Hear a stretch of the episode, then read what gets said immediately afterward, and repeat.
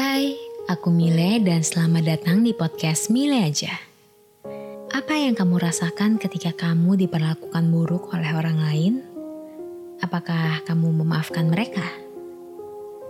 Di episode kali ini, aku ingin menceritakan tentang reaksi-reaksiku di masa lalu sehingga membuat aku menjadi orang yang tidak mudah memaafkan orang lain. Namun, aku ingin memberitahu kalau saat ini podcast Mila Aja sudah bekerja sama dengan Anchor App, aplikasi pembuat podcast. Aplikasi ini gratis dan kamu bisa mendistribusikan ke Spotify dan platform podcast lainnya. Bahkan kamu juga bisa merekam dan mengedit langsung di aplikasi tersebut.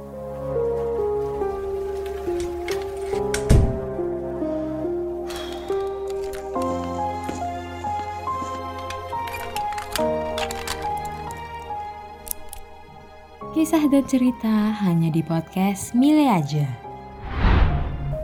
Pendendam, orang yang mengingat peristiwa di masa lalu, khususnya kesalahan dan bisa jadi akan mengungkitnya di masa depan. Biasanya mereka intoleran, sulit memaafkan, suka mengungkit masa lalu, dan suka menyindir. Dan ciri-ciri itu semua adalah sisi lain diriku yang pendendam. Ya, itulah aku. Jadi hati-hati ya untuk kamu yang bertindak salah padaku. Jangankan orang lain karena diriku sendiri aja belum tentu bisa memaafkan diriku sendiri. Aku sampai sekarang mengakui kalau misalkan aku bukan orang yang pemaaf, tapi masih lebih baik daripada dulu. Karena dulu aku bukan hanya orang yang enggak pemaaf, tapi aku punya sikap pendendam dan sangat-sangat memiliki pemikiran yang sangat negatif. Mau tahu kenapa? Karena aku sampai ingin menghancurkan hidup orang lain. Ya, itu berkat sikap manipulatif yang muncul saat aku SMA dan kamu bisa mendengar di episode 2 sebelumnya.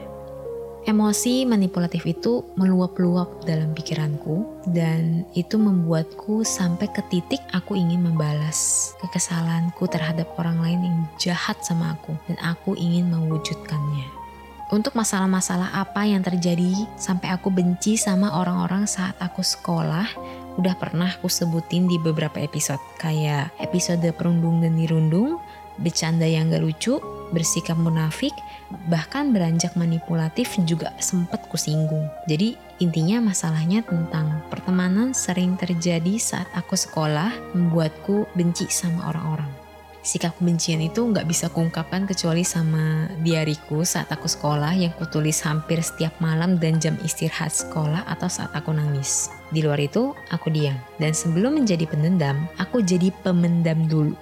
Yaitu sikap yang menjadi orang yang diam, nggak mengungkapkan isi hatinya secara menyeluruh ke orang lain. Dan itu pun aku ingat kenapa aku seperti itu karena gak ada yang bisa aku percaya aku pernah disakiti, aku nggak boleh mengekspresikan perasaanku pada saat itu, aku diacuhkan sama banyak orang saat itu. Dan di situ, aku juga mikir kalau lebih baik aku nggak usah memberikan kepercayaan pada orang lain. Kalau aku juga mengingat aku yang dulu ya, aku jujur nggak bisa menyalahkan diriku sendiri. Tapi aku juga nggak bisa membenarkan ya. Saat aku ingin berteman, aku nggak tahu berteman sesungguhnya itu seperti apa sih aku punya temen dari TK pas dia SD dia mau main sama yang lain aku okein tapi saat itu dia nggak pernah main sama aku lagi. Dan kalau aku yang 22 tahun ini melihat aku yang dulu aku nggak dapet juga occasion buat bareng sama dia dan dia juga udah sibuk sama kehidupan dia. Lalu ketika aku mencoba main sama yang lain hal itu terus berulang sampai aku SMP 3 aku main sama si A terus si A mau temenan sama si B terus habis itu aku nggak pernah main sama dia lagi. Terus aku main si C terus C sama D terus habis itu aku nggak pernah main sama dia lagi. Ditambah aku coba temenan sama beberapa orang mereka antara geng-gengan manfaatin aku dan diajak buat jangan main sama aku atau ngomongin aku dari belakang. Dan kalau misalkan aku main sama cowok-cowok bercandanya aku geleng-geleng sih. Ya, anak bocil yang masih gak tahu apa-apa dan walau aku maklumin mereka yang dulu ya, aku tetap aja gak suka sih. Dan aku bukan tipe anak yang aktif di depan banyak orang yang bisa ekspresif karena ekspresif aja itu sulit untukku dan tahu kan kalau misalkan anak cewek-cewek yang deket sama cowok bakal diomongin dari belakang terus aku tuh termasuk anak sekolah yang orangnya nggak bisa berteman, penurut, pendiam. Terus orang tuaku sibuk bekerja pada saat itu dan cuma dikasih sekolah, les, itu doang. Dan akhirnya aku memiliki sifat seperti itu. Salah satunya pemendam dan pendendam itu. Terus pas SMP, guru sekolah ada yang baik sama aku. Tapi kondisi saat SMP itu juga nggak terlalu bagus karena aku pas deket sama guru sekolah dan dia baikin aku, aku jadi bahan gosipan lah di kantor guru. Tapi aku harus jaga norma kesopanan lah ke si guru ini. Jangan sampai hilang lah aku respeknya ke dia dan semacamnya. Tapi di saat itu aku deket sama guru-guru, tapi guru-guru ngomongin aku, guru-gurunya juga nggak oke. Okay di saat yang sama teman sekelasku itu gak suka sama aku karena aku dianggap caper lah sama guru jadi kayak dua-duanya loh dua-dua situasinya. Aku di situasi yang kayak serba nggak menguntungkan dan aku juga cukup muak ya. Ya walaupun nggak semua guru kayak gitu cuman ada gitu dan itu meresahkan dan serba salah lah sama keputusan yang aku ambil. Aku juga mendem juga perasaan yang sedih, marah, kecewa, kesel. Ya meskipun akhirnya aku ketemu guru agamaku lagi dan dia baik sekali sih, the best dia. Terus aku juga ngurus cetia saat itu. Jadi kayak kegiatan kerohanian. Jadi ada cetia di sana. Pas SMP tiap Sabtu aku ikut kebaktian tambahan. Aku mengadakan kegiatan tambahan kayak baca puja gitu baca parita setiap Sabtu terus pas SMA aku datang satu jam lebih awal ke sekolah setiap hari buat puja lagi. Kayak aku sekolah jam 7 Senin sampai Jumat dan aku biasanya udah sampai di sekolah jam 6 kayak jam 6.15 sementara hari Sabtu kebaktiannya jam 8 aku ke sekolah jam 6 pagi. Udah sampai sekolah dan aku inget banget waktu itu aku pernah kayak dorong gerbang sekolah tiap Sabtu secara berturut-turut gitu nggak nggak sebulan gitu kayak tiga pertemuan berturut-turut atau enggak kayak aku telepon salah satu guruku minta OB buat buka gerbang sekolah. Dan sebenarnya di sana baca buja dan parita itu sekaligus aku merenung sih. Jadi kayak ada kan beberapa parita dalam agama Buddha itu bahas tentang perenungan gitu. Terus setelah perenungan kayak meditasi bentar terus abis itu aku curhat lah ke altar. Jadi kayak aku cerita kondisiku saat ini gini gini gini gini dan aku bahkan pernah nangis beberapa kali setiap kali aku cerita gitu. Dan aku bersyukur juga di saat itu aku mendapat kesempatan menjadi pengurus Cetia saat itu. Karena aku juga belajar mengenal kondisi perasaanku lewat aku bercerita di altar tersebut. Aku juga sering ke sana pagi-pagi karena dulu orang tuaku kayak sebelum jam 6 udah pergi kerja gitu. Sementara kayak aku sama kakakku, aku punya dua kakak, beda 5 sama 6 tahun dan mereka udah kerja dan udah kuliah. Jadi jam waktunya beda gitu. Dan mungkin aku akan membuat episode tentang masa sekolahku mungkin ya soal puja dan aktivitas serupa yang membuatku menjadi orang yang lebih positif ya. Tapi itu nanti setelah season ini selesai. Karena aku ingat-ingat lagi kegiatan kerohanianku itu membuatku menyeimbangkan mentalku yang bobrok ini, yang manipulatif, egois dan masih banyak lagi gitu. Dan setidaknya aku menjadi orang yang gak jelek-jelek banget, masih punya pribadi yang baik gitu. Oke, balik lagi. Diriku yang mulanya cuma memendam perasaanku akhirnya meledak pada saat itu. Dan sikap manipulatif pertamaku membuatku menjadi pendendam. Dan di saat itu aku juga puas. Akhirnya satu orang yang fitnah aku jadi sempet gak dipercaya sama satu angkatan termasuk guru-guru.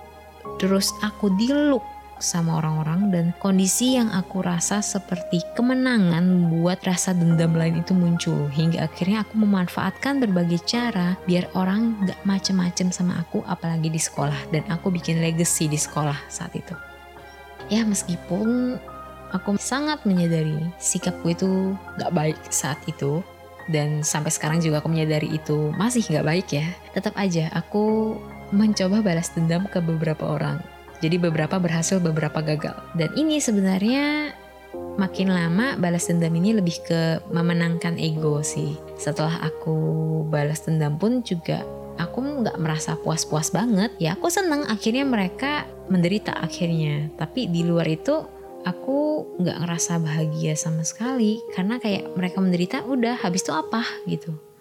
Dan kalau misalkan kamu dengar episode yang manipulatif, aku ada bahas soal aku dapat tugas kelompok dengan orang yang pernah memalukan aku. Lalu aku memanfaatkan perilaku dia buat jadi bumerang biar nilai dia nggak bagus. Dia sedih sesaat, terus aku seneng karena dia sedih. Tapi habis itu udah dia biasa aja dan aku malah makin nggak puas karena dia biasa aja habis itu. Dia nggak sesedih sama apa yang aku rasakan sedihnya pada saat dulu dia mempermalukan aku. Dan di akhir cerita, aku kayak semakin aku mencari cara bikin dia menderita, tapi aku berhasil atau enggak, itu malah bikin aku makin negatif, makin buruk dan aku makin banyak mikir segala macam yang sebenarnya itu malah menghambat diriku sendiri. Dan sebenarnya proses aku membalas dendam itu terjadi selama satu tahun. Kalau nggak salah itu terjadi setelah aku di fitnah kelas 10 sampai liburan menuju kelas 12 gitu. Dan di situ aku mulai membalas dendam dengan cara buka kartu masa lalu soal aku pernah dibully sama siapa-siapa aja, dibenci sama siapa aja karena hal yang aku nggak tahu sebabnya apa. Dan satu tahun itu menurutku ih, sangat singkat ya. Dan aku akhirnya berhenti juga karena selain aku nggak dapat kepuasan, aku jadi tahu kisah orang-orang yang pernah bully aku kenapa dia kayak gitu ke aku dan aku jadi tahu ya itu reasonable lah ya dan di situasi yang sama, aku juga berhenti balas dendam juga karena pas kelas 11 SMA, aku ada konseling sama salah satu orang sambil ikut pelatihan meditasi setiap Sabtu. Dan itu menghentikanku untuk berbuat balas dendam dan mengurangi sikapku menjadi penendam. Meskipun aku belum memunculkan sifat pemaafku.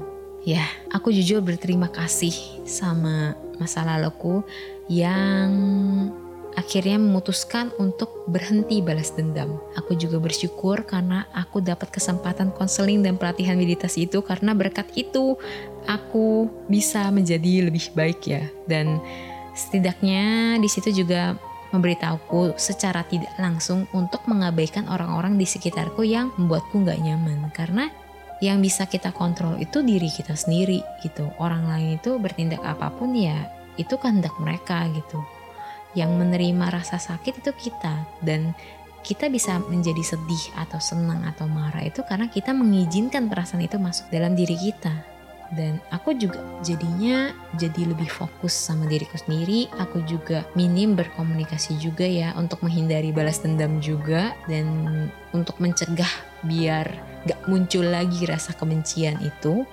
Jujur itu berat karena menurutku sikap pendendam itu penuh dengan rasa iri, rasa benci dan sudah tertanam dalam hatiku. Bahkan kalau di episode sebelumnya aku sempat bilang kan kalau aku pernah nggak ngobrol sama temen sekelasku hampir 4 bulan. Mentok-mentok cuma ngechat itu keperluan tugas. Kalau bener-bener butuh banget. Kalau enggak ya aku bisa kerjain tugas itu sendiri.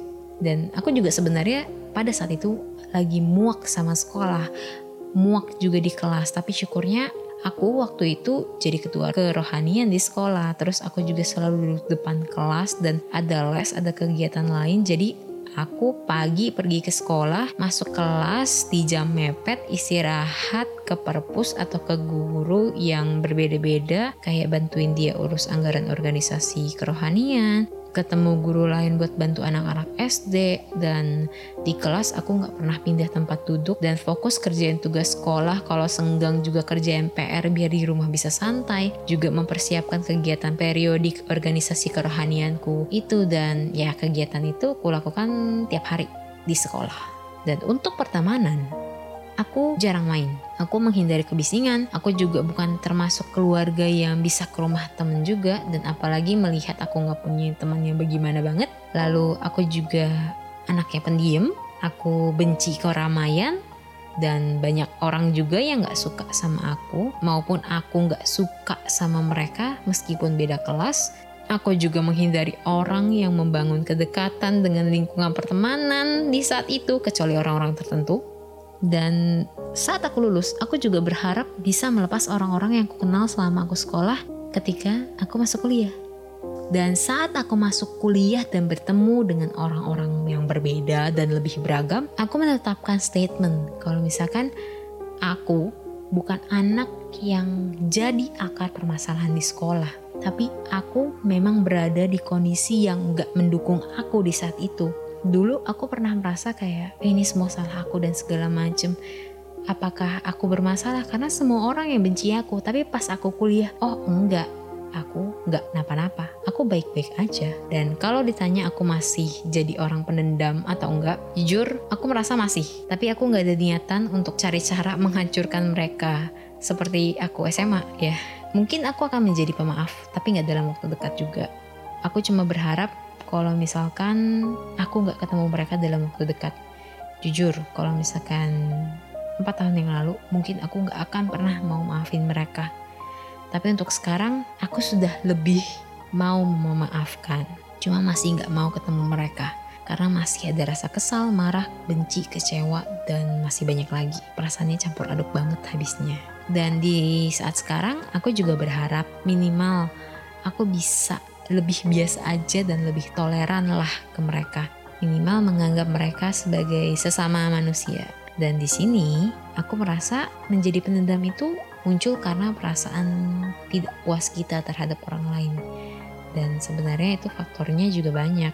Cuma yang jelas hal itu didasari dengan ketidakpunyaan seperti aku nggak punya rasa bahagia kemudian muncul iri dan benci terhadap orang lain karena mereka bahagia apalagi orang tersebut adalah mereka yang membuat aku menderita dan orang yang kamu rasa membuatmu menderita itu bisa aja memang sengaja bertindak jahat ke kamu atau mereka nggak sengaja melakukan hal tersebut dan membuat kamu tersinggung dan terluka.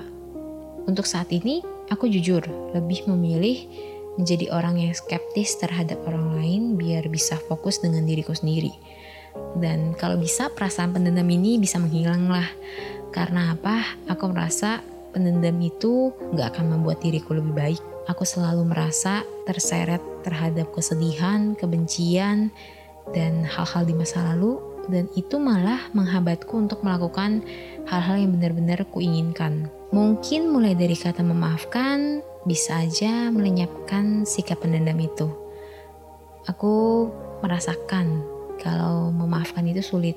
Ya, sulit banget. Tapi aku berharap kamu bisa mencoba. Meskipun mereka nggak pernah meminta maaf padamu, bahkan mereka udah melupakannya. Dan jujur, aku pribadi berharap orang yang jahat sama aku, baik bercanda secara verbal, menyindir segala macam, mempermalukan aku, baik sengaja atau bikin fitnah itu mau minta maaf. Aku berharap banget mereka minta maaf secara tulus. Tapi aku menyadari dibandingkan menunggu, mending aku melepaskannya aja biar aku bisa fokus sama diriku sendiri. Aku juga menyadari kalau misalkan berfokus pada rasa benci dan dendam sama orang lain, hidupku malah stuck aja dan terikat terus sama perasaan-perasaan negatif doang. Jadi aku harap kamu bisa mulai mengurangi sikap pendendam dan mulai memaafkan ya. Demikian podcast Mila aja kali ini. Aku Mile dan sampai jumpa di episode selanjutnya.